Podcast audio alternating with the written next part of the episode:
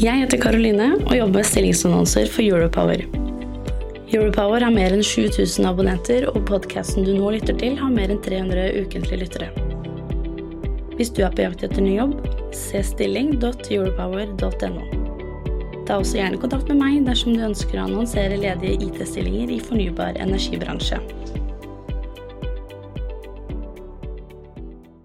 Du lytter til lyden fra en videosending med journalist Magnus Linjære i Europower.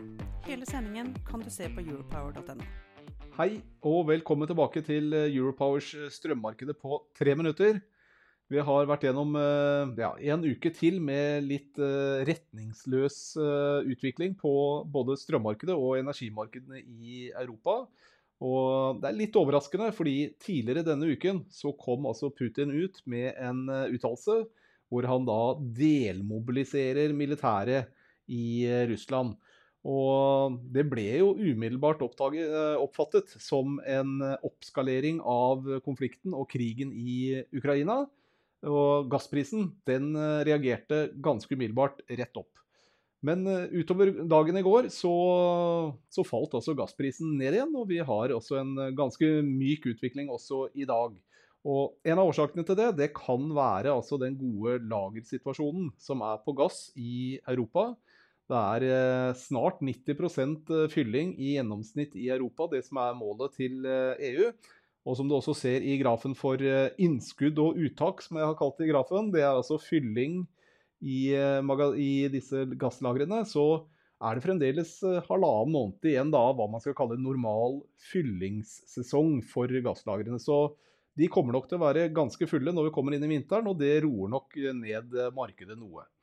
Det er også eh, rekordhøy import av eh, LNG, og faktisk så er det så mye LNG som går nå fra USA at det har begynt å påvirke prisene på gass også i USA. Det er også rekordhøy import av kull til Europa. Eh, man skal mange år tilbake før man finner så mye kullimport som det er til Europa nå. Og alt dette her det summerer seg jo opp til et lavere konsum av gass internt i EU, som nok eh, sannsynligvis er med å roe ned aktørene. Her hjemme så har spotprisene vært fallende. Eh, vi har hatt noen uker nå hvor prisene har vært på vei nedover. og det er vel egentlig det at prisene følger prisene som også er i Europa. Så, og også denne uken her sånn, så er det ganske ja, lavere priser enn det vi har sett uh, tidligere, selv om uh, Sør-Norge enn så lenge denne uken er litt høyere enn uh, forrige uke. For prisene fremover så skulle man jo tro at den reaksjonen i gassmarkedet skulle ja, gjøre noe med terminprisene.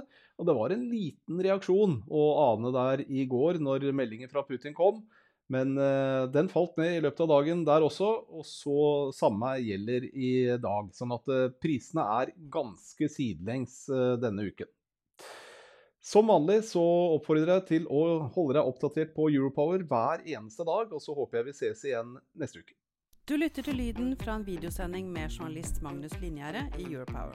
Hele sendingen kan du se på europower.no. Jeg heter Karoline og jobber med stillingsannonser for Europower. Europower har mer enn 7000 abonnenter, og podkasten du nå lytter til, har mer enn 300 ukentlige lyttere. Hvis du er på jakt etter ny jobb, se stilling.europower.no. Ta også gjerne kontakt med meg dersom du ønsker å annonsere ledige IT-stillinger i fornybar energibransje.